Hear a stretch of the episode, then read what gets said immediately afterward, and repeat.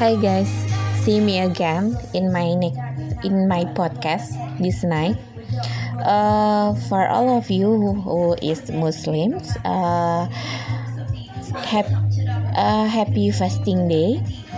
Uh, we are gonna be celebrate uh, it as soon as possible. So uh, for all of you, stay strong and uh, don't forget to pray and uh, success for your fasting in a month.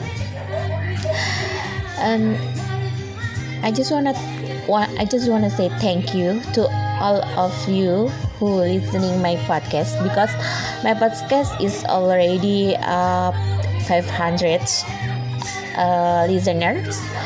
Um, and I'm so happy with that. I hope uh, I get a a thousand. A million. No no no no no no, a million listener and more and more and more.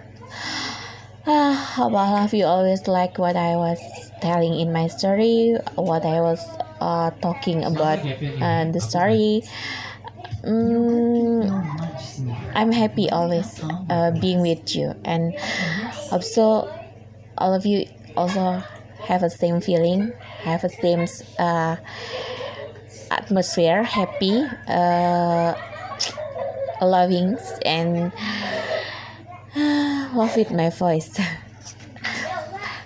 Today apa ya um, I just wanna sharing something yang sebenarnya sih agak uh, ini uh, is about a K it's about K-pop girl bands uh, and I'm so excited to telling the story after maybe six years uh, this band now performs and they have a singles.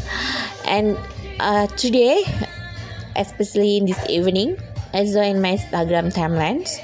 Uh, in Coachella they performs again. I'm so excited exciting uh, seeing all of them together again in stage. Yes 2NE1 the best girl band for me uh, I like the music I like the people and uh, the talented CL and everything is have a good apa uh, idea have a good uh, perform in stage. Uh, although maybe they have so many controversial but I still love 2NE1 and I'm so happy today because I can see all of them perform again in Coachella 2022 and also my favorite uh, K-pop bands Epik Highs for the second times in a Coachella my god yeah. But I hope soon uh, Indonesia bands can be performed in Coachella also.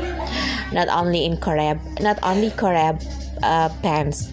Because uh, I, I just want to see my uh, up, my musicians perform in Coachella. So many people seeing them performs and it's make me proud you know but this time I just happy because I can see 2NE1 perform in Coachella 2022 and hope this is the good news and hope after that we can uh, also see uh, and hear about hear, hearing about the single new single of 2NE1 hope so. It's not only Rioni yeah. It's not only uh, uh, perform in Coachella but they will come back soon with a new single with a new performance and also a new concert. I'm so happy guys and I wanted to sharing with all of you but that uh, thank you. Thanks again to anyone because uh, I can hear you again and I can watching you uh, again it's only in a, a YouTube in only in a Coachella live is okay for me. But uh, it's make me think um, like a reunion uh, last concert in Jakarta. I see all of you oh, your great performance and I like your performance also. I, al- I, I always like uh, every single uh, you have. Because you have a different style different performance different uh, telling about the custom in a stage. And for me is uh, unique maybe only that I can say because I'm happy hearing and seeing 21 perform again in Coachella 2022 see you guys. Bye bye and i am happy can sharing this news with you. And hope so you always uh, hearing my podcast. And i will be come back soon with a new themes about the podcast about the real life about the everyday lives. Uh, so don't forget to hearing my podcast and following our podcast. Thanks